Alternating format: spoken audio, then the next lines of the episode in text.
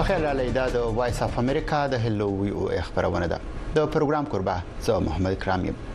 پاکستان کې په اتمه فروری شوو عمومي انتخابات وروسته په مرکز او سلور واړو صوبو کې د حکومتونو جوړولو سره سره د پاکستان تحریک انصاف او جمعیت علما اسلام فل الرحمن ډلې په شمول ملتپال سیاسي ګوندونه په انتخاباتو کې په مبینه توګه باندې د درغلیو خلاف احتجاجونه کوي تیر ورځ د پاکستان تحریک انصاف یو وفد د جمعیت علما اسلام مشر مولانا فضل الرحمن سره د ملاقات وروسته دواړه غوندونو د خالي یا شنبه پر ورځ په ټول ملک کې د احتجاجونو اعلان هم کړی دی پاکستان کې د هر څه په یو داسې وخت باندې روان دي چې ملک د اقتصادي چیلنجونو سره مخ دی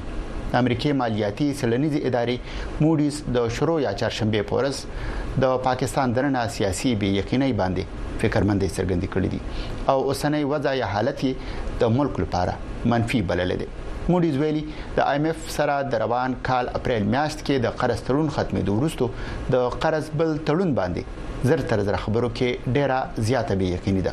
او زیاته کړې چې د پاکستان حکومت ته د نقدو پیسو او بهرنیو قرضو ترلاسه کولو کې د ناکامۍ خطرې د هغه وخت پوري ډېر زیات وي تر څو چې د اعتبار وړ او وګدې مودې د قرض پلان په اړه هر څه واضح شوي نه وي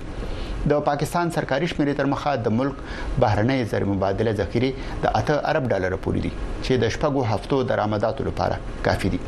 د پاکستان سټیټ بانک تر مخه د روان کال د جون د میاشتې پورې به اسلام آباد ته 30 ارب ډالر قرضې واپس کول هم وي د جنوري په میاشت کې د ایم ایف د ریپورت تر مخه پاکستان ته په 2015 مالی کال کې د 22 ارب ډالر قرضو ضرورت وي او په 2018 او 20 کال کې ورته 25 ارب ډالر پکار وي پاکستان د ملک دننه د ګرانۍ د ستونزې سره هم مخ دی او د جنوري په میاشت کې د ګرانۍ کچه 28.10% ته رسیدلې ده د پاکستان تازه سیاسي حالاتو راتلونکي حکومت ته ورپېخ اقتصادي چیلنجونو بهرنیو قرضو او د ایم ایف اقتصادي اصلاحاتو په حق لبا نن د ملمنو سره په پروګرام کې خبرې اترې کوو زمنګ سره بانن په پروګرام کې برخه اخلي د پیښور نه د ډیوا سیړنکار اسماعیل خان صاحب د پیښور اسلامیه کالج یونیورسيټي کې د اقتصادي علومو د څنګه استاد ډاکټر بشیر احمد او د پاکستان انسټیټیوټ اف ډیولپمنٹ اکونومکس کې اقتصاد پوه ډاکټر شاهد محمود صاحب او اول په پروګرام کې یو وړه شانې د ماخلو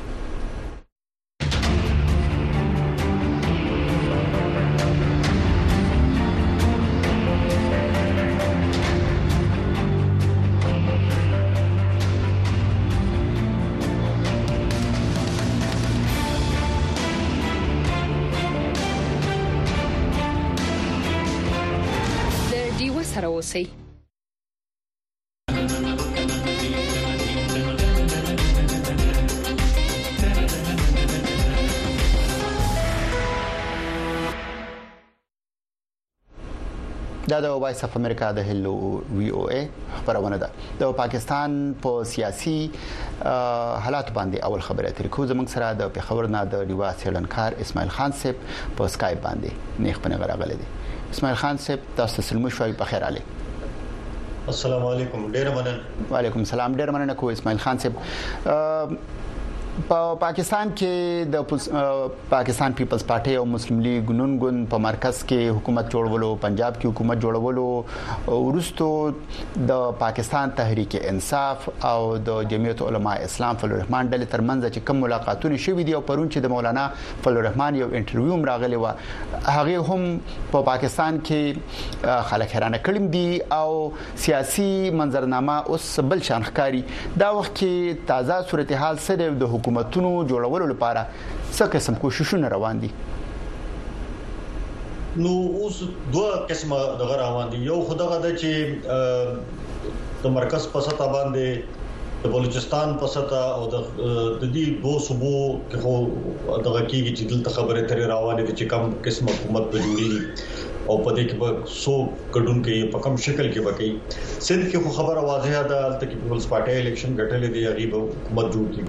زموږ پښتونخوا کې هم دلته کې تحریک انصاف الیکشن ګټلې دی حکومت باغی جوړي البته دا غي په دغه باندې ضرور یو مشکلات ورته شته دي ځکه چې دوارانه ټول آزاد منتخب شوی دی او غي په سنا سزان ته قانوني لار جوړي چې حکومت دلته کې جوړ کړی شي نو فلال مسله چې کومه دا غین خته دا اوس پورې الیکشن کمشن اف پاکستان په رسمي توګه باندې ټول انتخابي نتایج چې کوم دی هغه نوټیفای کړي نه دي چې تر څو پورې دا نوټیفای نشي نو اسمبلیانه وجود کې ناراضي غي بیا حلف نشي غشته او چاغو نشي نو بیا د حکومتونه جوړول لږ غوندې دغه شي نو اوس پورې چې کوم مسلې را پیښې دي خاص کر ټول سیاسي جندون ګوندونه چې کوم دي اې کې اوس مسلې جوړې دي اوس تاسو وګورئ چې تحریک انصاف خو چې موږ سره زیاتې شوې دي او هر سیاسي ګوند تاسو جمعیت العلماء اسلام چې موږ سره زیاتې شوې دي پرون تحریک انصاف لاړو او مولانا فضل الرحمن صاحب سره ملو شو او نن د تحریک انصاف یو دغه چې کوم دی غی لاړل د شرپاو صاحب د سره قومي وطن پارټي مشرانو سره ملو شول اوس د کې د خوند د خوندوره دغه خبره دغه ده چې پی ټی آی هغه ګوندونو لذي چې کم ګیله کې چې د دینه الیکشن پټ کړی شوی دی د دینه غستل شوی دی او نتایج چې کوم دی د تحریک انصاف په حق کې شوی دی او مغیله تحریک انصاف دی او غیت دا خواست کوي چې دی سره د پدې احتجاج کې ګډون وکړي نو عجیب مسله اوس دغه چې د پاکستان په تاریخ کې پړمبي ځل چې څومره ګوندونه دي ټول دا شکایت او دا ګیله کې چې دې سره زیاتې شوې دي او په کې درغلي شوې ده او د دې نتایج چې کم دي هغه د دې خلاف استعمال شوی اوس دا راته وای چې سباله یعنی د خالی په خالی یا د یک شنبه د شنبه پر ورځ باندې په پا پاکستان کې مظاهره او احتجاجونه کیږي خو د مولانا فضل الرحمن او د قومي وطن پارټي آیا دومره په پارلمان کې هغه مرا سټونه یا څوکۍ شته د یاد نور چې کم ځنې واړو واړو غوندونه را یوځي چې ګینه تحریک انصاف په دې پوزیشن کې کی چې هغه بیا مرکز کې حکومت جوړول شي او کنه دا به د پیملن او پاکستان پیپلز پارټي د پاره صرف دا چې یو سخت حالت په جوړ کی دویمه خبره زیاته خدا یو خدای چې دا وړه ګوندونه دې سره دومره زیات دغشته نجمه تول اسلام سلور سټونه دي فلحال په قامي اسمبلۍ کې هغه نشي کوي چې د یو ګوند سره یو ځای شي خاص کر تحریک انصاف سره حکومت جوړ کړي بل دا غره چې تحریک انصاف په خپل باندې په مشکل کې دی یو قانوني مشکل ما چې څنګه تاسو ته وغي تر اپیخ دی چې تر څو پورې د دې دا قانوني مسله نه وي دغه شوی دي ته مخه تلار نه کولاویږي اوس دی وخت چې هغه سره څومره سټونه دي او دغه سټونه هم دي سره پاتې شي دا ممبران دي سره پاتې شي او ته نه تختی او دی ته یو جماعتي شکل په څه طریقه باندې ورته ملو شي نو هله به دی ته ریزرو سیټونه چې کوم دي د زنانو او د خزو سیټونه ورته ملو شي او یا د اقلیت چې کوم د نور مذهبونو دغه دي داغي کسانو سیټونه ورته ملو شي نو یو یو مضبوط د اختلاف دغه خو مضبوط ګروپ خو جوړې دي شي په قامي اسمبلی کې خو د حکومت لپاره بدی ته دا ضروري پکار چې دا نور چې څومره دي خاص کر ایم کیو ایم شو چې هغه سره یو ځای شي یا دا نور ګوندونه دی هغه سره یو ځای شي خو بیا هم د وخت کې د پاکستان مسلم لیگ نواز او د پاکستان پیپلز پارټي دی ته دوه اډوانټیجز دي هغه یو دا چې یو نون او د دې دواړو مشترکه سیټونه چې کم دي دا یو ځکه کافي دغه جوړیږي دوی مدا د چې دي تبوس ریزرو سیټونه ملو شي نو لازمی خبره چې ریزرو سیټونه وسره را یو ځکه نو دی ډیر کمفټیبلی بیا وسره ایم کیو ایم هم ورسره دي او کې دي چې څنور دا د ګوندونه چې واړه واړه دي هغه به مور سره لاړ شي اسماعیل صاحب یو خو د عمران خان هغه وینا چې ګینه څنګه فوج د خلاف یو شاترول بولیو په دې باندې پښتني ترازو خو دا تاسو چې کوم وای چې تحریک انصاف ستا دا وخت ستونزې او مسلې شته دي یقینا شته دي خو آیا د جماعت اسلامي یا د جمعیت علما اسلام سره د اتحاد په صورت کې چې کم لیګل ایشوز دي هغه حل کې دي شو کنو او وړاندې نه هغوی د مجلس وحدت المسلمین کې یو سیټي د هر سړي خو د هغه په وجه هغه په مرکز کې ځان محفوظ کول شي زما نه خیال چې جمعیت علماء اسلام سره به دغه صدا سي سپاور شي رنج یا دار کې ساري ایجمنټ شو چې دی هغه سره یو ځای شي یا ایون جماعت اسلامي سره کړه دي امیدواران څومره دي آزاد کو جماعت اسلامي سره شاملېږي دغه یو مشکل دغه دی چې بیا به د دې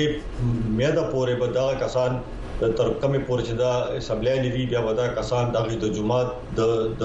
د ډیسپلین د دغه درلاندې د پابندیانو دلاندې بیا باندې نشي کوي چې دغه جماعت یا د جماعت اسلامي یا دغه رنګ وحدت المسلمین داغي په غوند کې شامل شي بیا به داغي د کوم پالیسی دا داغي چې کوم ډیسپلین دی داغي تابع وي او کداغي خلاف ورزي کوي بیا د خپل سټونو لاسوم وځل شي نو زه فکر کوم چې تحریک انصاف به دا خودکشي نه کوي کوشش به دغه چې په ست طریقه باندې خپل شناخت خپل ځان ته وساتي بیرته بیا بحال کی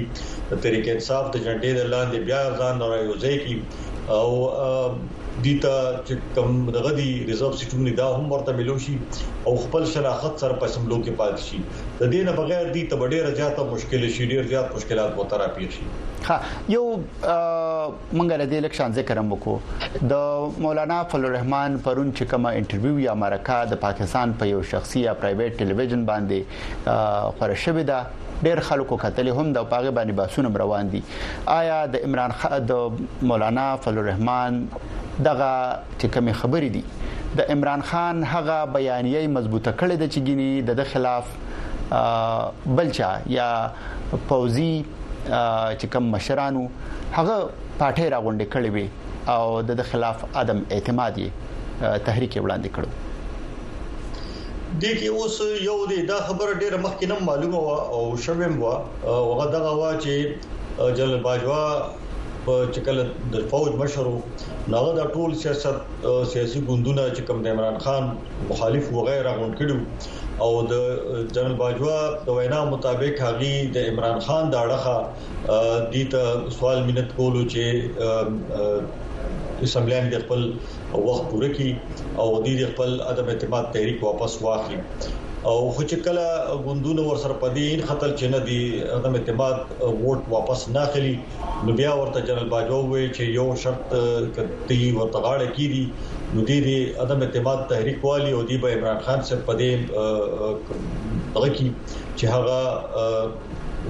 وخت مخکې اسمبلیانې تحلیل کی او د انتخاباتو د لار زمينه هواره کی نو دا خبره ډیره مخکې نه دا واضح او معلومه مو پرون فضل الرحمن صاحب خبره دا وکړه چې نه مونږ ته چې کوم دی جنرال فیض وی چې ته د سیستم د ننه د تحریک انصاف د خلاف کاروایی کوي شي یا عدم اعتماد کول شي او دی با د تحریک انصاف خپل چې کوم د دې سپورټ ته هغه ته نه واپس واخلي نو چې کله دی انکار وکړو نو بیا دغه نه پس بیا تحریک عدم اعتماد مخ ته وروړي شو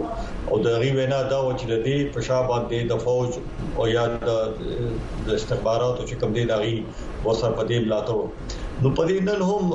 د مختلفو ګوندونو د پیپلز پارټي او ورپسې د پاکستان مسلم لیگ نواز د دې بیانونه مخه ترلل خو زه فکر کوم چې په لورمان صاحب دغه بیانیه څنګه چې تاسو یې تحریک انصاف په دې ډیر زیات خوشاله دي ځکه چې داغي هم دغه بیانو تر اوسه پورې عمران خان صاحب دا خبره کوله چې فوج د دې خلاف سازش کړی دی د فوج په ملاتړ باندې د دې خلاف عدم اعتماد شوی دی او هغه دا و چې د فوج په شا باندې عالمي یو سازش و چې پکې امریکا هغه په دې په دې کې وا ځکه چې د دې پالیسیانې د عمران خان صاحب د وینا مطابق د امریکای د مفاوضات مفادات پر ضد امریکا د اسټابلیشمنت سره په ګډه باندې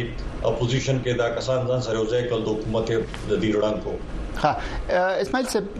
په مرکز کې د نواز شریف چې مخکې کم یو بیانیه وا چې مجه کیو نکاله گیا یعنی زه ولی وباسل شم د هغه ورستو هر څه اوس بدل شوی دی او بیا په هغه باندې چې کم اوس ځنی تورونه دا لګول کیږي چې هم هغه اسټابلیشمنت چې د په تور لګو چې دی وباسل اوس د هغه الټه دی خو دی وخت کې په مرکز کې د نواز شریف د وزیر اعظم د څوکۍ نزان پشا کولو او خپل رور رامخې کولو او د هغې سره په پنجاب کې د خپل لور د وزیر اعلی څوکۍ د پاره ودرولو هغه سمره د پاټۍ دننه او نورو پاټو لپاره آیا حالات ګینی بدل کړي نه دی یا ځین مشران په هغه خفا یا خوشاله ښکاري دا یو خبره ضرور کیږي چې د بیا سه د بیان او یا د فیصله چاري د وزارت نه د سپردار شوې دي وزیر اعظم د چوکینا نو په هغه باندې په اټک کې دنه خلک خفه دي او زه فکر کوم دا خبره به اوس بهر هم راوته تقریبا چې د دا پاور ارینجمنت چې کوم دی دا د فوج سره مخکې فیصله شو میا صاحب په باره کې فوج مخکې ډیر زیات کمفټیبل نو اعتماد پینو فوج او د میا نواز شریف صاحب اړیکې مخکې هم خراب وي او بل دغه بیانونه چې کله لندن کیو او بیا کله لندن کې دی او دوه بیان ورکړل دغه نه پس بیا شهباز شریف صاحب فورا دلته بیا هلته لاړ او بیا خبرې ترې وکړې،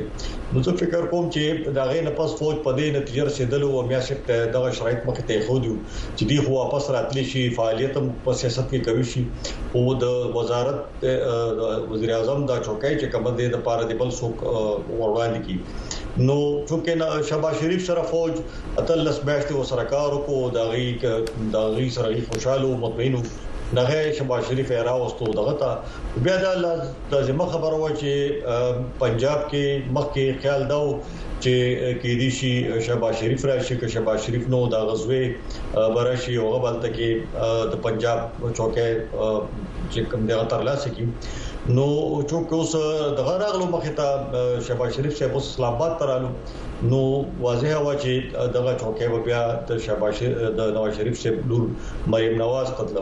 نو دا د خاندان ترمنځ دی دا یو څو فیصله کړې وي چې خپل د پاټو منځ کې هم پاور شیرینګ ارینجمنت خو د خاندان ترمنځ هم دا یو پاور شیرینګ ارینجمنت یا یو څو منصوبه جوړه کړې و ښه اوس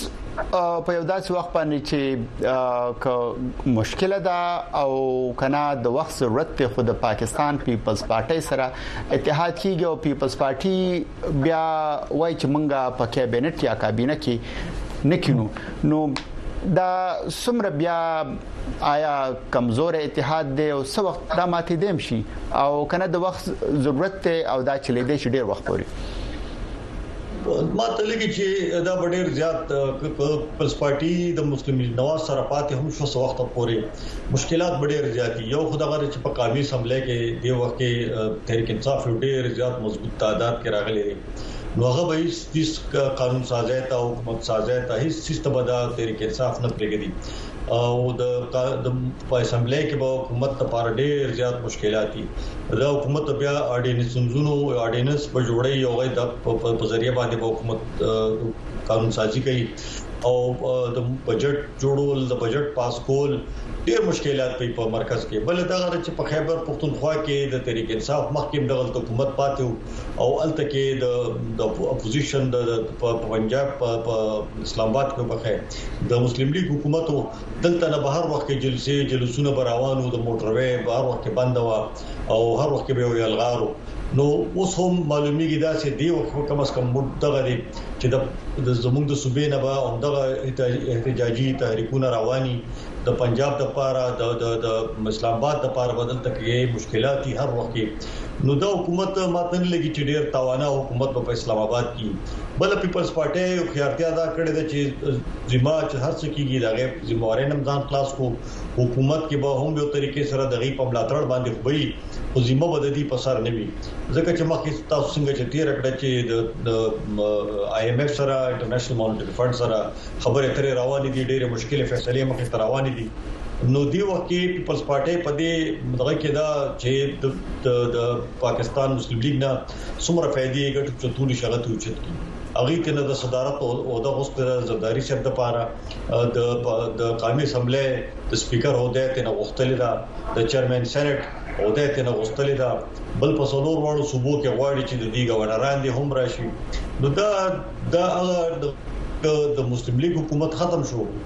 نو هم دغه عہده چې کم دینو دا د پاکستان پیپلز پارټي سری سپیکر بم موجودي چیرمن سېنات بم موجودي او صدر صاحب بم موجودي نو دی دیو کې کوشش ته غدي چې د پاکستان مسلم لیګ ته مجبورای نه پر پر فوت فائدہ اوچته کی او سمره غټي چې تر لاسه کول شي غدي تر لاسه کی او ذمہواری په دې پسر باندې نه چې هر څه فیصله اوچته یې هغه به مسلم لیګ نواز په خپل سر باندې چته سمره ډیر مننه کو اسماعیل خان صاحب زمنګ سره د خبرو کولو ډیر مننه تاسو دا اسماعیل خان صاحب د ډیوا سرنکار د پیښور نه زمنګ سره په سکایپ باندې برخه غسله په پروګرام کې یو وړ شان د ماخلو زمنګ سره ډاکټر بشیر احمد صاحب راغلی دی د پاکستان په اقتصاد باندې به خبره اترې منګه د وقفې نه ورستکو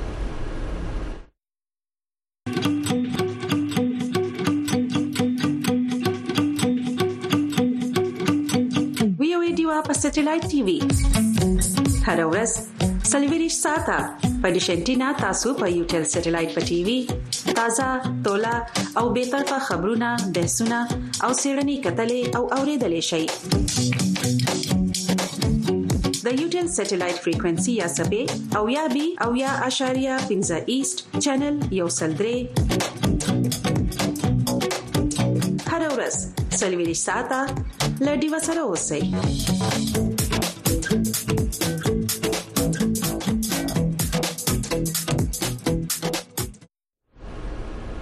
دا د وایس اف امریکا د هلو وی او ای خبرونه ده موږ د پاکستان په پا سیاسي منظرنامه او اقتصادي چیلنجونو باندې خبرې اترې کوو زموږ سره په پروګرام کې ډاکټر بشیر احمد صاحب د پیښور اسلامي کالج یونیورسيټي کې د اقتصادي علوم استاد هغه په ټلیفون باندې راغلي دي ډاکټر بشیر صاحب تاسو ته ستړي مشوي په خیر علي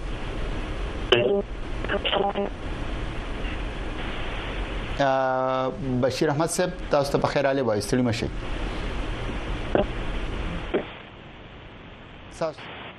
تاسو د لاین کې لګه مسله د خپل ځای لګ بدل کې کې دي شي تاسو واد صفه شي خو منګه ته आवाज تاسو صفه ناراضي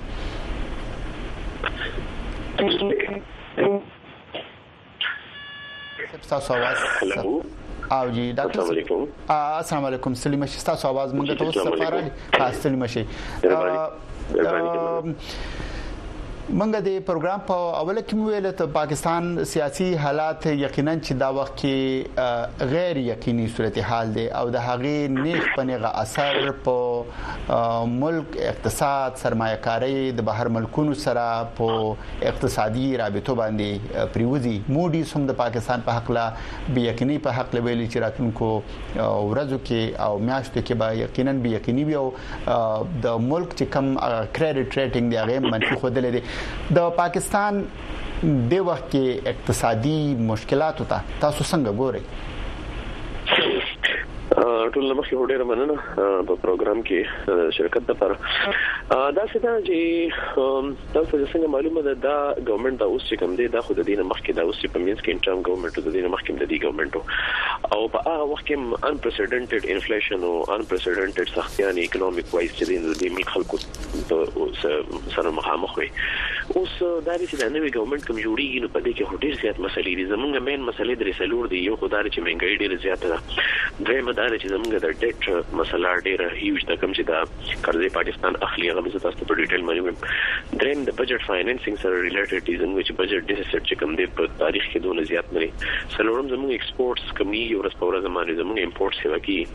اوس دا دی چې د دې خلکو دا غوسه که تاسو کتلي په دې وخت کې د انډیپنډنټ کوم کاندیډیټس وو هغوی ته زیات ووټ چې خلکو واچول هغه دوه مین بنیادي وجې وې. هغه کې یو خو چې کوم دی نو یو کاینډ اف انټي اسټبلشمنټ ووټ دوی ته پریوتو او دویم دا وو چې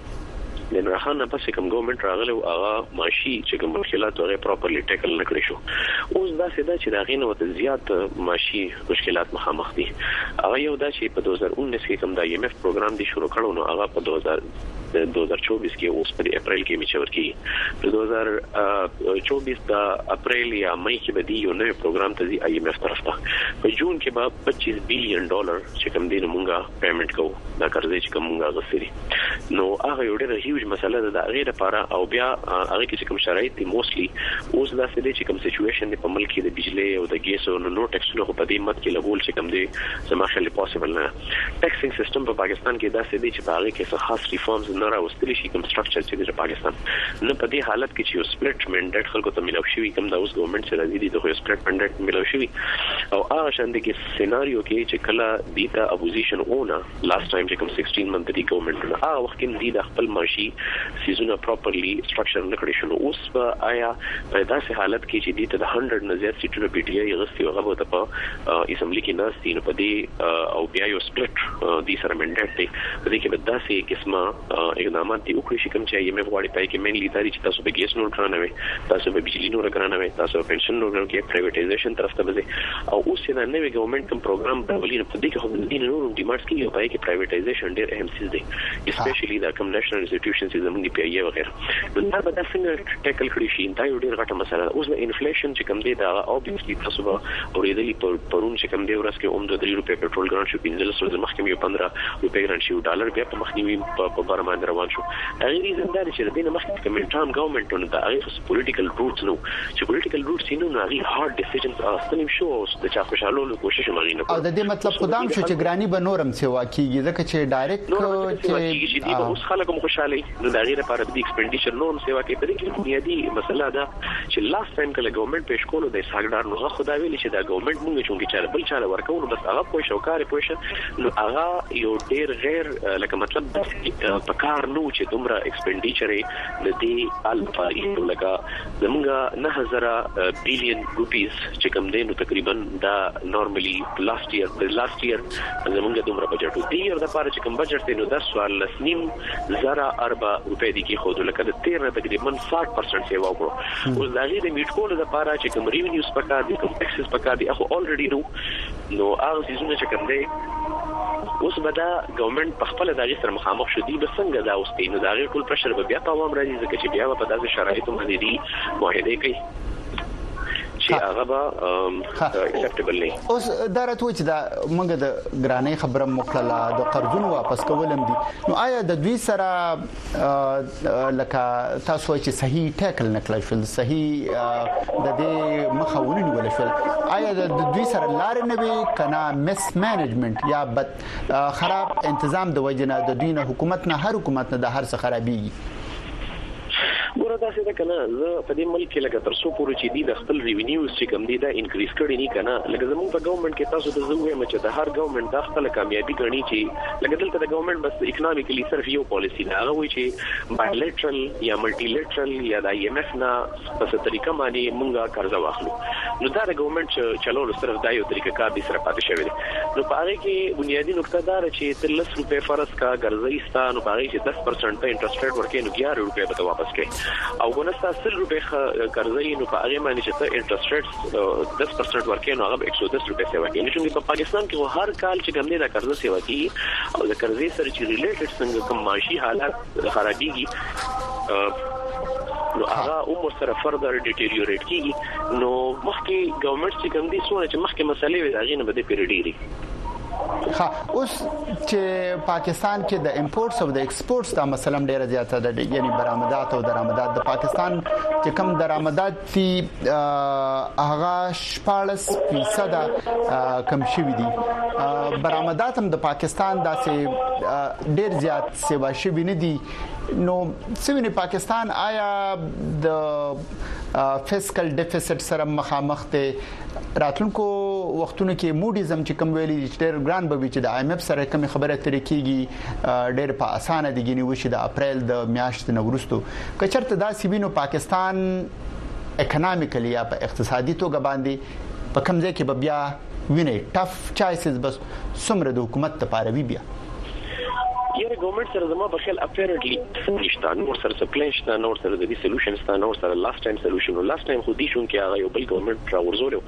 او د هغې نه پس دي داسې فیصلې کولې چې اسې بس مونږ به د دې نه پس بیا ګورو ورسره اوس خو داسې ګورنمنټ مونږ ته ملاو شوې چې موسټلي د پیپل سپورټډ نه دي وي چې څنګه فیصلې مونږ وکړو اوس خو دا تاسو چې کومې خبرې وکړې یو خو دا دی چې دا دونه قرضې به څونه سیوا کړي اسپیشلي آن د فیس چې دلته کې د روپي ویلیوز کمیږي نو دا کوم پچیس بیلیون ډالرز چې دي واپس کوي نو چې مخکې به د هغې لپاره لیټ سپوز اتیا اربه روپۍ پکار وې نو اوس به دوه سوه اربه روپۍ پکار دي مطلب په هغه حساب چې څونه روپۍ زمونږ ډيټيريوريټ کيږي يا ډيپريشيټ کيږي نو مونږ ته د ډالر کې پيمنټ د پاره نورې زياتې پيسې پکار دي يو خبره دويمه تاسو د ايکسپورټس دغه خبره وکړه لکه د ايکسپورټ زياتولو د پاره مونږ سره څه سټريټيجي نشته څه انډسټري نشته کوم ملک کې چې په اتيا روپۍ په سل روپۍ په لسکم سل روپۍ مريو نو يو يونټ بجلي پيدا کيږي پرې کې به ته پروډکشن څنګه انکارج کړې پرې کې به انډسټري څنګه انکارج کړې ګيس شته نه بجلي نشته خلک په خپلو سولرو باندې ځان له پرسنل څيزونه چلي خو انډسټري خو په سولرو باندې نه چليږي نو هغه شان د دي سره څه سټراټيجي نشته چې ايکسپورټس سي واقعي ښه امپورټس داسې دي چې امپورټس يې ان نيسسرلي لاست ټايم بند کړل زموږ خو داسې امپورټس دي چې په هغه کې مينلي چې کوم د دلته کې زموږ ايکسپورټس کيږي نو د هغې پروډکشن پروسس کې چې کومه مشينري لګي يا نور داسې څيزونه نو هغه په امپورټس موږ هغه څيزونه امپورټس کوو چې په هغې نه لګي ددې مطلب دا شو چې اولريډي د کوم ايکسپورټس کول هغه به فردر خراب کړي هغه ايکسپورټس به بيا نه کيږي بيا موږ ته چې کوم چيلنجز انټرنيشنل دي هغه دا دي چې زموږ يو کوالټي د ايکسپورټس نشته بل دا دي چې زموږ کاست اف پروډکشن دومره زيات دي چې موږ انټرنيشنلي کمپيټ کولای نشو نو د هغې لپاره د دوی سره څه سټراټيجي هيڅ قسمه سټراټيجي نشته دلته چې څوک خلک کوم قرضه واخلي د هغې پوليټيکل د چا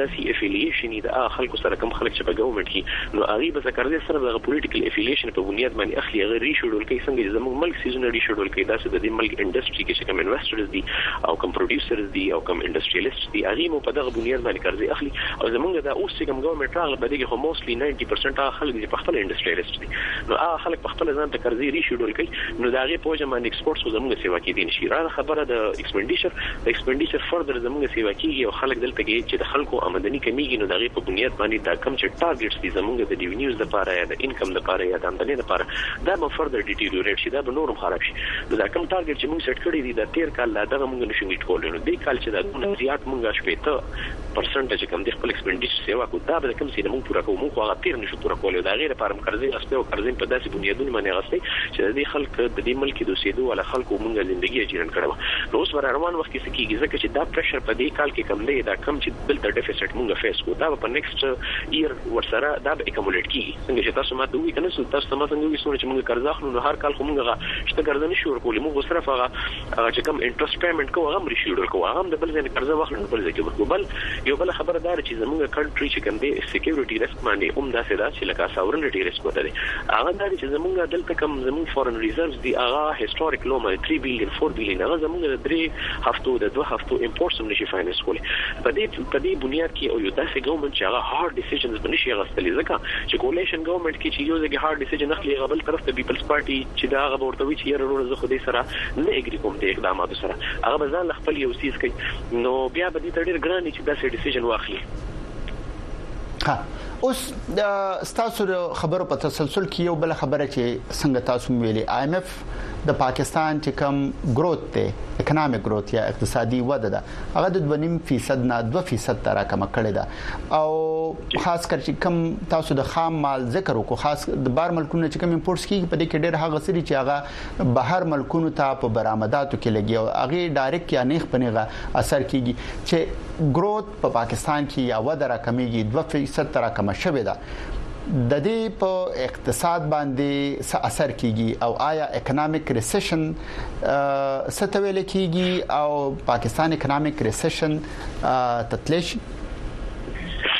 یره دا سره سمپل موږ په اکونومکس کې وایو کنه سونه چې معاشي پالیسي نه جوړیږي کا ګورنمنت لیول مانی ارګنایزیشن لیول مانی انسټیټیوشن لیول مانی دا هغه لومبي بنیادی مقصد دی چې د خلکو ویلفیر یا فلاح د خلکو انکریز کی هغه په دوه طریقو باندې انکریز کیږي یا خو ګروث دونه سیوا کوي چې د هر سړي په حصہ کې سونه پیسې ان ایوریج مخکې رسیدي دا غینه او د زیات ملاوي ګروث مطلب دی چی ستا مخکی څونه جی ډی پی وه یا ستا څونه پیداوار وو هغه به سیوا شی نو چونکی په پاپولیشن باندی هغه ډیوایډ کیږی چی څونه ددی ملک دلته خلک یی ریزیډنټس یی نو موږ وایو چی د هر یو په حصه کی ډیر امدن راغی نو په دی وجه باندی د هغی معاشی حالت ښه شی نو دی ته موږ خوشحالی وایو دویم ددی سره په پیرالل کی موږ وایو چی مهنګایی کمه کی چی مهنګایی څونه کمیږی نو چونکی د هغه پرچیزنګ پاور سیوا کیږی هغه بیا په هغه ایکزیسټنګ پیسی کو دوه زره یی کو پنځه زره آن ایوریج چی ده ته رسی په هغی باندی هغه د ډیرو څیزونو اغستو کیپیسټی پیدا کی یا اهلیت یا صلاحیت پیدا کی اوس پاکستان کی دادی چې يو طرف ته فوډ انفليشن د ترټي پرسنټ نه سېوا دی، دېرش پرسنټ نه سېوا دی، بل طرف ته ته ورته وایې چې ګروث چې کوم دی اتو پرسنټ دی، د دې مطلب دا دی چې پر کېپيټه انکم يا هر کس په چې په کال کې کوم امدن يي هغه به نيګټيولي افيکټ کېږي، هغه به کمېږي،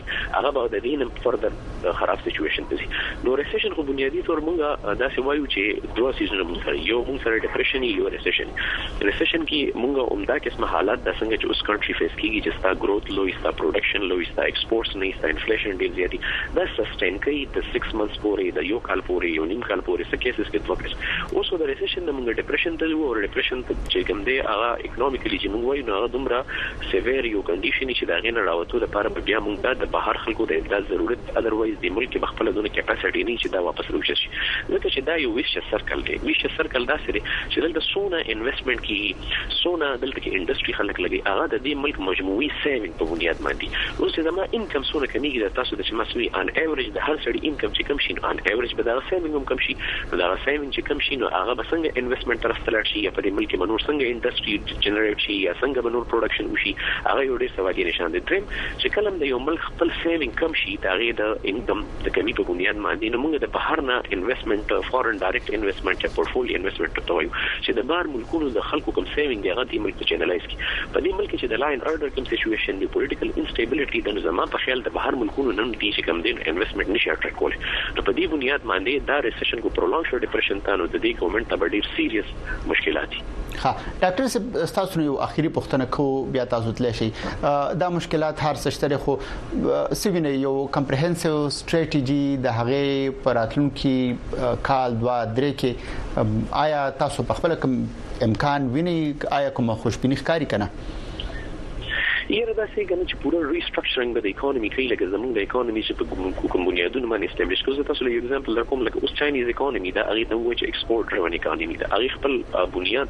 په زیات ایکسپورټس معنی هغه پوره دنیا ته ایکسپورټس کې داسې د پاکستان چې کوم ډایمنشنز دی ایخي د اکانومي هغه به آل ټوګیدر سیوا کوي د پولیس چټ کایند اف اکټ چې دی کوي چې هر د زما د هر گاونډي سره د خو امرانه ده اخو امرانه ده په مشرقي بارډر باندې په مغربي بارډر باندې او دلته د پولیس چټ کولاو کړي نه دا نه چلیږي دلته به داسې کار چې د خپل سټریټیجیز به ری ریوایز کوي دي او خپل چې کوم دینو د پولیس ګردي به ختمي دي او دلته به چې کوم دینو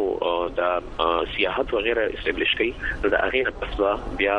داسې اقدامات کیږي یو خو کاینډلی ماته دا فون باندې راځي نو ماته دلته خلک داسې دي چې چونکه منټل لیول یې کم دی نو زه ډیسټریکټ کیږم بار بار ځکه چې ماته دا کالز په میس کې بار بار راځي نو سوري فور دیټ نه نه خبره نه ده خبره نه ده کولای شم هغه څه کې ډیسټریکټ کیږم زه خبره بیا نه نه نه بالکل تاسو خپل خبره کوم میس کې خدا سي دي چې بس خلکو ته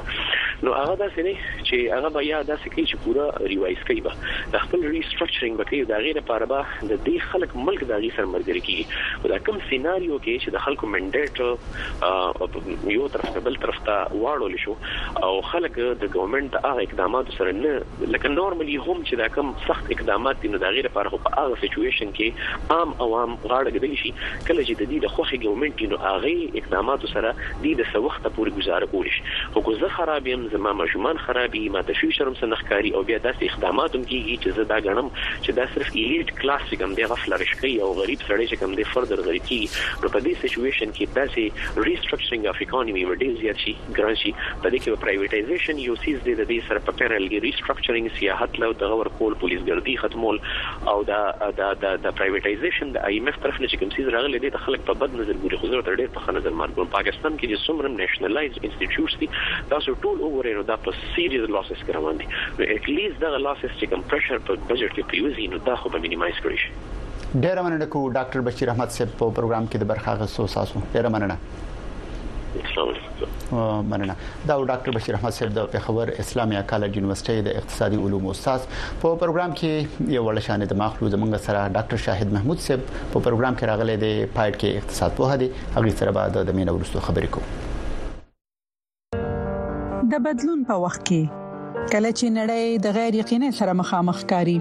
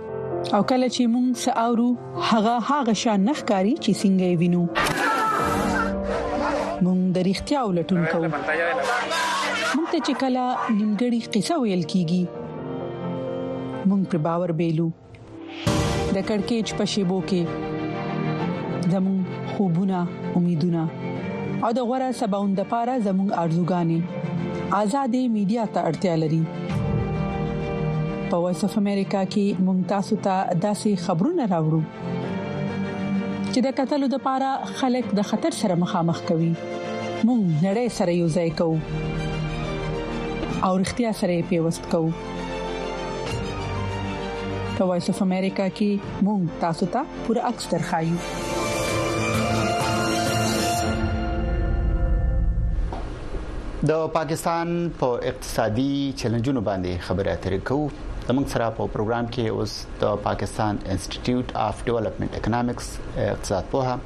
او لیکوال ډاکټر شاهد محمود صاحب ملګری شوی دی ډاکټر شاهد محمود صاحب تاسو سره مشوي په خیر علي بغیر راغلی ډیر مننه کوم تاسو شاهد محمود سه په پروګرام کې یقینا تاسو لیکلم کوئ د پاکستان په بیلابل اخبارونو کې پډان کې پایټ سره کار کوئ اوس چې د نبی حکومت لپاره کوششونه هم روان دي که هر څوک راځي په پاور کې د پاکستان په میډیا کې ځنې لیکوالان په اقتصاد باندې چې لیکل کوي هغه په اساقدار باندې د وړاندې نیوکه کوي چې د چرته بیرته دغه څوکۍ تر نشي د ملک د خزاني وزیر جوړ نشي د اپریل په میاشت کې به د ایم ایف سره اوسنۍ چې کم سټاند بای اګریمنت دی هغه به ختميږي 1.2 ارب ډالر کې د پاکستان ته ملاو شو خو خبره دا غینه ورسته چې بیا بسګي پاکستان تاسو په خپل باندې د پاکستان د اکونومیک سیناریو یا منظرنامه ته څنګه ګورئ زه خو دې دا زه ګورم چې د کې خاص تور باندې اوس چې امکان دا ښکاري چې شهباز شریف چې هغه بیا راځي کله چې ټول ټولې کې نو زه اوس ډیر داسې څه د به وخم څه پوزټیو یا مثبت څه دغه نه ګورم او ځکه چې هغه پالیسی هر چا ته پته ده وی کاروبار څنګه رواني د حکومت او د ګورنمنت هغه هر چا ته پته ده او تاسو اوس لکه خبره وکړه چې ساګار خبره وکړه نو هغه مونږه او ټول نه زیات خو ما خیال دي زه وایم چې هغه سره بالکل حساب ته نږدې یو مخکې چې ډیره تباہي وکړه بس شریف خان دا چې نو هغه هغه باندې په دغه دی او تکیه په کړه سر په کړه دی او په دې به موږ دا یا لګي هغه کتاب کوه نه دی هغه دغه دی او هغه هغه نه اقتصادي ماهر جوړ کړ د پاکستان په بدیا او زه خو چې نو کوم حالات چې دی روان دي نو هغه کې زه دا څنګه کوم چې مخکې زه ورته دا وایم چې یاره ډېر تر مثبت هغه براشي او دا دا ایس آی اف سی والا چې وی او هغه اوس هم زور لري او چې بل حکومت راشي بیا هم زور لري او که اس اف سي والے نو هغه ته بیا دی یو کار دوه درې کارونه داسې یا ډېر په اقدامات داسې شروع کړی چې په زور یې شروع کړی دی زما خیال دی پاکستان کې چې کوم حالات دي هغه کې په زور باندې کار کیږي په دغه باندې کار رسم نه کیږي او طریقه باندې نو لکه اوس هغه چې دی لګیا دی دا ګورنمنت هغه ډیر ادارې چې دی پاکستان سپیډ شو پی ای شو هغه غوښتي دي هغه لګیا دی مو دا پی ای پرایویټایزیشن تقریبا هغه وی چې کمپلیټ دی 95% کمپلیټ شوی 15% پاتې نو که په زور یې کړی او کنه شفا شریف راشي یا لګ پارټي والا کوم راشي او خدا کار اوس ټیپیکل هغه هغه تماشې دي چې سستا سستی روټي او سستا آټا دا غا شي نه کوي اوس تاسو دا د اس آی پی سي چې کوم خبره کوله یقینا چې دا د پاکستان کې د انویسټمنټ یا سرمایه‌کاري د پاره چې کومه یو نوې اداره په دې تیر یا چې کوم حکومت ته په دې کې جوړه شوې ده په دې باندې ځنې رپورټونه داسې دي چې کې دې شي کې دې شي آی ایم ایف په غي باندې ځنې ریزرویشنز او فکرمندۍ لري ځکه چې هغه یو داسې ادارې سره خبرې کول غواړي چې هغه بیا د ځنی پریشرز نه هغه بروي او په پاکستان کې د منی مانیپولیشن یا د ډالر او د روپۍ په منځ کې چې کوم د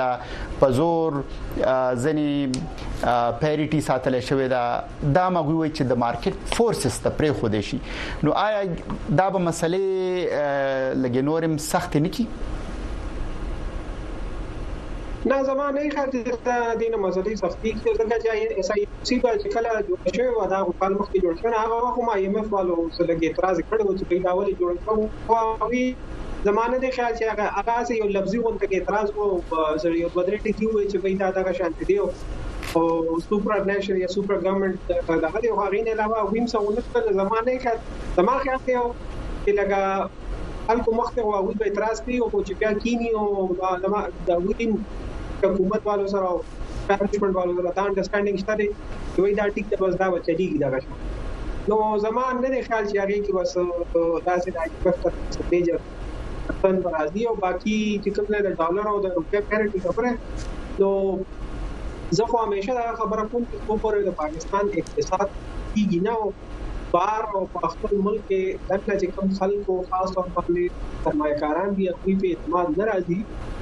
دور باندې په خپل خودل باندې دایي چې له بوده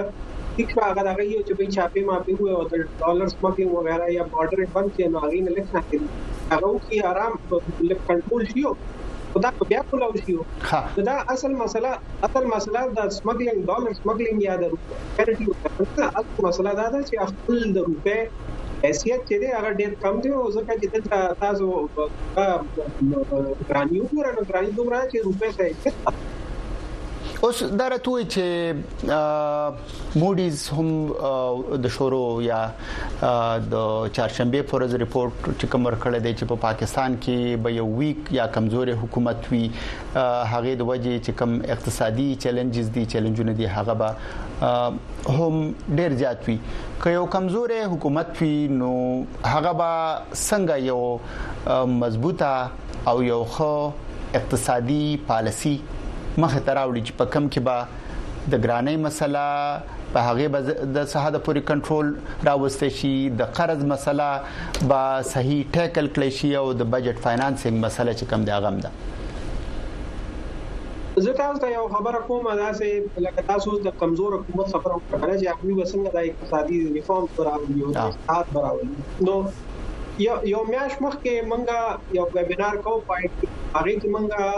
مونږه سره چې نو ډاکټر مونټیک سنگ الوالیا دا چې ډاکټر منموهن سنگ او ډاکټر مونټیک سنگ الوالیا چې دوی په 1991 کې چې انډیا کوم ریفارمز کړو نن انډیا کوم ځای کې ولاړ دی هغه کې دا دوه کسان چې دا مین او هر چیرته لري نو دوی سره موږ خبرې کوو نو ډاکټر مونټیک سیمونز هغه یو خبره ګوره یاد ساتئ چې دا کله چې دا اصلاحات شو نرسې ماراو 1991 هغه د نرسې ماراو ډېر کمزور حکومت او هغه کولیشن وکړ اته اوټرایټ میجورټي وسره انا چې هغه 230 پرسنټ او ډاکټر مونټیک سنگ خبره کوله چې ویزه او منموهن سنگ کې مونږه کیناستو خپل وزیر اعظم سره او بیا د اپوزیشن لیډر وایس دی هغه سره مونږه کیناستو مونږه ورته وایي چې به تاسو خپل قسم سیاست کوی کوی هیڅ په زمونږه ستاسو سیاست سره ځکار نشته د ملک لپاره چې دا د زمونږه یو د اصلاحات په څیر دی په دې باندې دواړه چې دین ها او کې او چې به چې مونږه کبل حکومت رام کې نو هغه باندې چې ډو وتا وګوره هغه وشو دې ځکه ټول مخکې اوس فرق لکه اوس ما خبره تاسو پاکستان کې چې وګورئ نو ټول نه مخکې وو تاسو اوس دغه تیر لس کالو کې وګورئ نو څوک اقتصادي اوس ډاکټر مونټیک سنگ چې دی یا ډاکټر منموهن سنگ هغه په پی ایچ ډي کړی په اکونومکس نو په پاکستان کې چې نو چا سره یو حکومت ماته وغه یو پارټي ماته وغه چې اکونومست وسه په اکونومست پرې هیڅ حکم نشته حسابدار به یو یا به شوکت ترین یو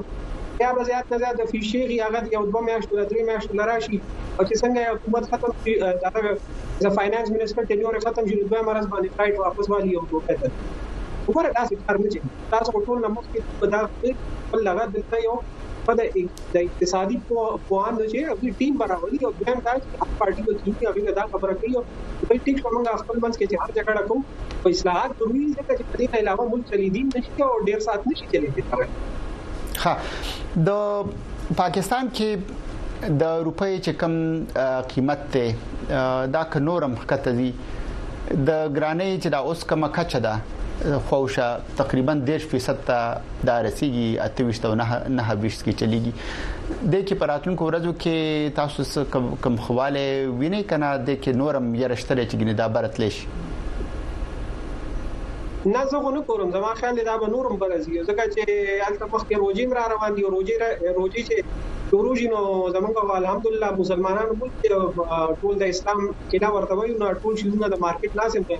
یو دوه هفته مخکې نو هغه بیا نور هم ګران شي او بیا ما غوته سویل چې اوس ګوره پټرول هم ګران کړ نه نه ګیس نور هم ګران کړ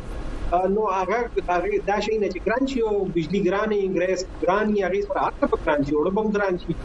چینی وړي هر څه به ګران دي تیل زیات کلو بیګای پمپري تیل او ډیزل نور هم ګران کړل نو د دې سره زه نه کوم چې کرانه بلاندې راځي او دا خو چې نو نور په پاکستان کې تاسو په خپل آرټیکل زما په خپل پرونم لیکلې کنن دی چې هغه کې خپل تاسو چې کوم هغه بجټ ډیفیسټ دی هغه تقریبا شپږ شاید شپږ نیم کرب دی یو بل ځکه زه ګورم چې داسې 15000 عرب روپۍ دی یا 15 کرب دی که هر څه دی خدا سه تقریبا وو اشاره وو فیصد تاسو په خپل ملي چې دا جوړیږي کم چې د آمدن او د خرچو په منځ کې هغه فرق دی دا وخت په وخت باندې سیوا کیږي آیا حکومت خرچي په کومه طریقه باندې تاسو وینئ چې هغه کمیدې شي او د هغه یو خو حل لیدل کېدې شي او دا د خرچي او آمدن دا یو ځای تراتل شي یا بیلانس کېدې شي دا ولې ما مخکې تاسو په پروګرام کې ډېر کړه خبره کړې چې دا دومره ګران کار نه دی تاسو لکه سکایپ کوم ډیویژن نو خپل لغه ته لاړ شي او ویبسایټ ته هلته مشته اوس خو زما خیال لري کړی دی او بیا موږ فایټ کې سیول سرویس کې په کومه نه کوډ لیکل کېږي نه علاوه ډاکټر مشرت حسین یو لوی ریپورت نو هغه چې په دا د ګورنمنت سېکټر باندې پبلک سېکټر باندې نو هغه کې درې نیم زره په سلور سو چې نه حکومت اداري اداري دی لکه سمای اټانومس اټانومس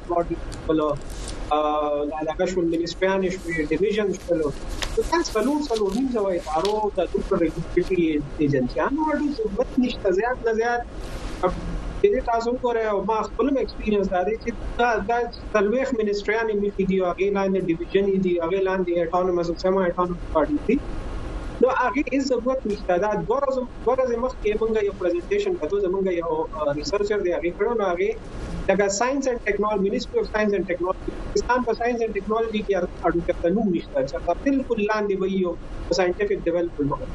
تاسو دا وی بجټ وګورئ نو هغه اربونو روپیا خرڅ کیو اربونو روپیا بس خرڅ کین نه پورې چا پته نه زیات تر وی تنخواګانې خپل راتلل ګاډي پټرول او دا دي ساينټیفیک ډیولپمنټ کوم نشته او ساينټیفیک ډیولپمنټ چې دی هغه د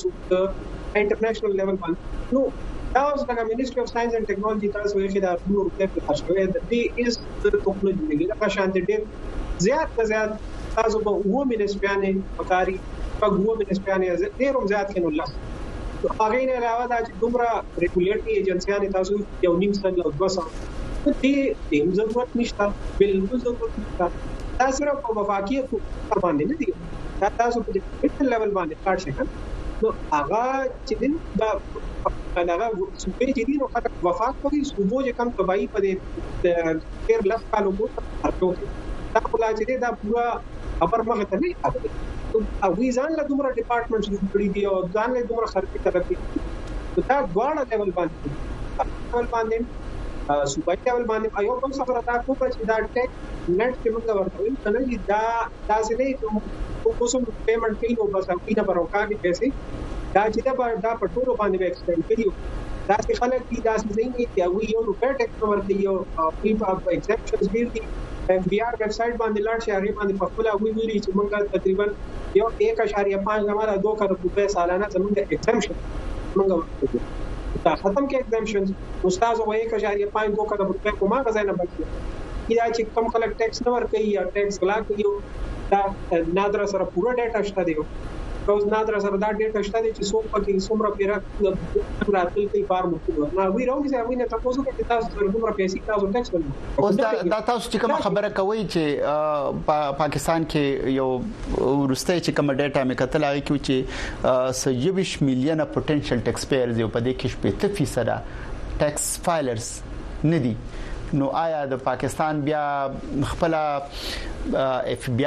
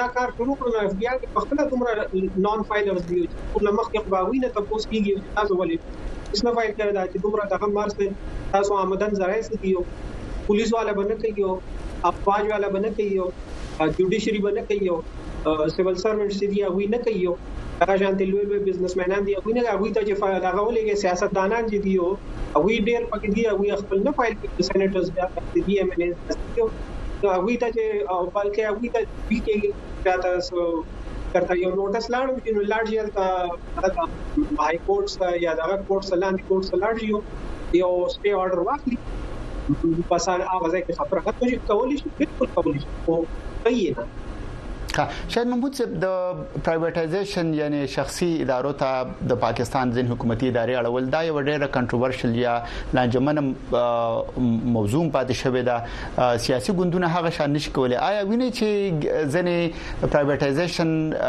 فیصله به وکړي چې راتلونکي حکومت نو دا خو جی ما تاسو ته ویلي چې ما مخکې خبر وکړه چې شهباز شریف ګورنمنت باندې کوي په کتنه کې یو چې هغه یو لوی اتحادي پیپل پارټي والا پیپل پارټي والا چې دی او اقتصادي پالیسی چې دا هغه سمپلی دا یو وی چې یو پرایویټایزیشن نه کوو بلکې چې دا نور سرکاري ادارې جوړ کړي هغه کې نور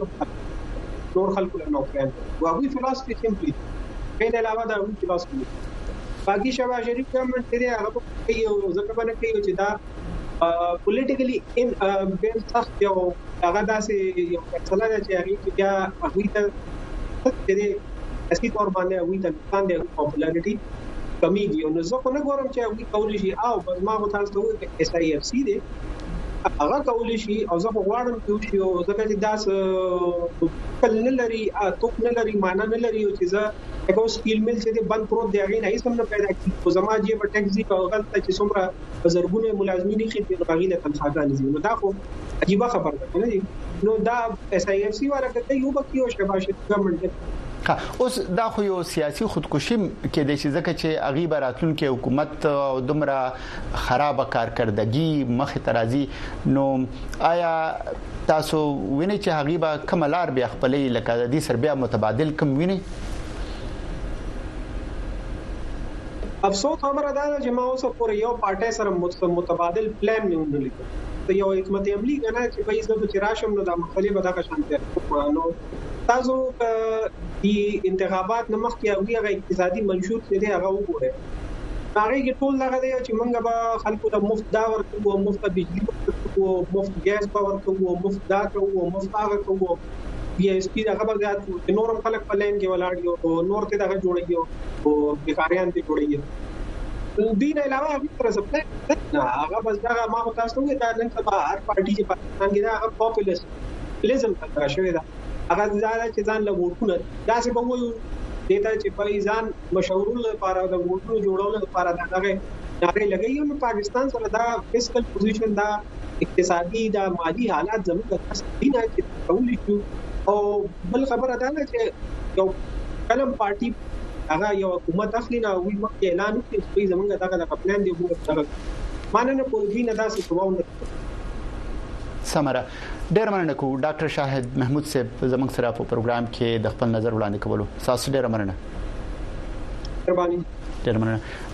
دا ډاکټر شاهد محمود صاحب د پاکستان انسټیټیوټ اف ډیولپمنٹ اکونومکس کې اقتصاد په هدا او پاکستان په اقتصاد باندې خبرې اترې کولې چې په راتلونکو ورځو کې خاص کر کنه به حکومت په واک کې راځي د هغې سره سو آپشنز دي سلار ور سره دي اقتصادي ستونزې بعد ملک څنګه حل کوي مونږ سره اوسېږي په پروګرام کې یو ولشانه دماغ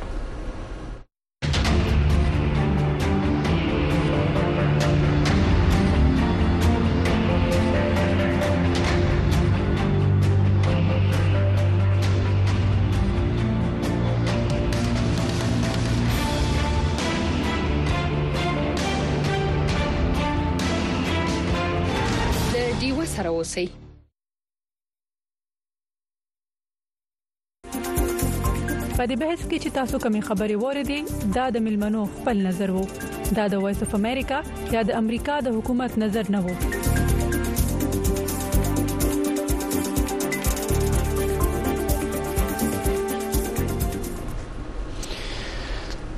زمونږه د نن ورځې د هلو وی او ای پروګرام څنګه چې تاسو اوریدل په پاکستان کې د سیاسي حکومتونو ترمنځ سیاسي حکومت جوړولو لپاره کمی هلې ځلې روان دي او په پاکستان کې اقتصادي ستونزې او مشکلات څه دي او د دې حل څنګه راوستل کېدای شي او په پاکستان کې ولاتونکو حکومت ته کم اقتصادي مشکلات وي تاسو د ملمنو نظر واوریدو زموږ نور پروګرامونه هم روان دي تاسو هغه اوریدي او کته شي زمونږه په راتلونکي پروګرام کې به نګینا شاه تاسو سره قربانوي د هغه ورسره به زمونږه بل پروګرام چې د ټلویزیون خبرونه د اشفاق ومن به د هغه قربوي د پاکستان د سیمې او د نړۍ په حالات باندې به تاسو مهم رپورټونه او مرکې د هغه سره اوري اوس ته محمد کرام د خپل پورا دیبا ریډیو د ټیکنیکل سایډ سره تاسو نه اجازه تخلم الله پامان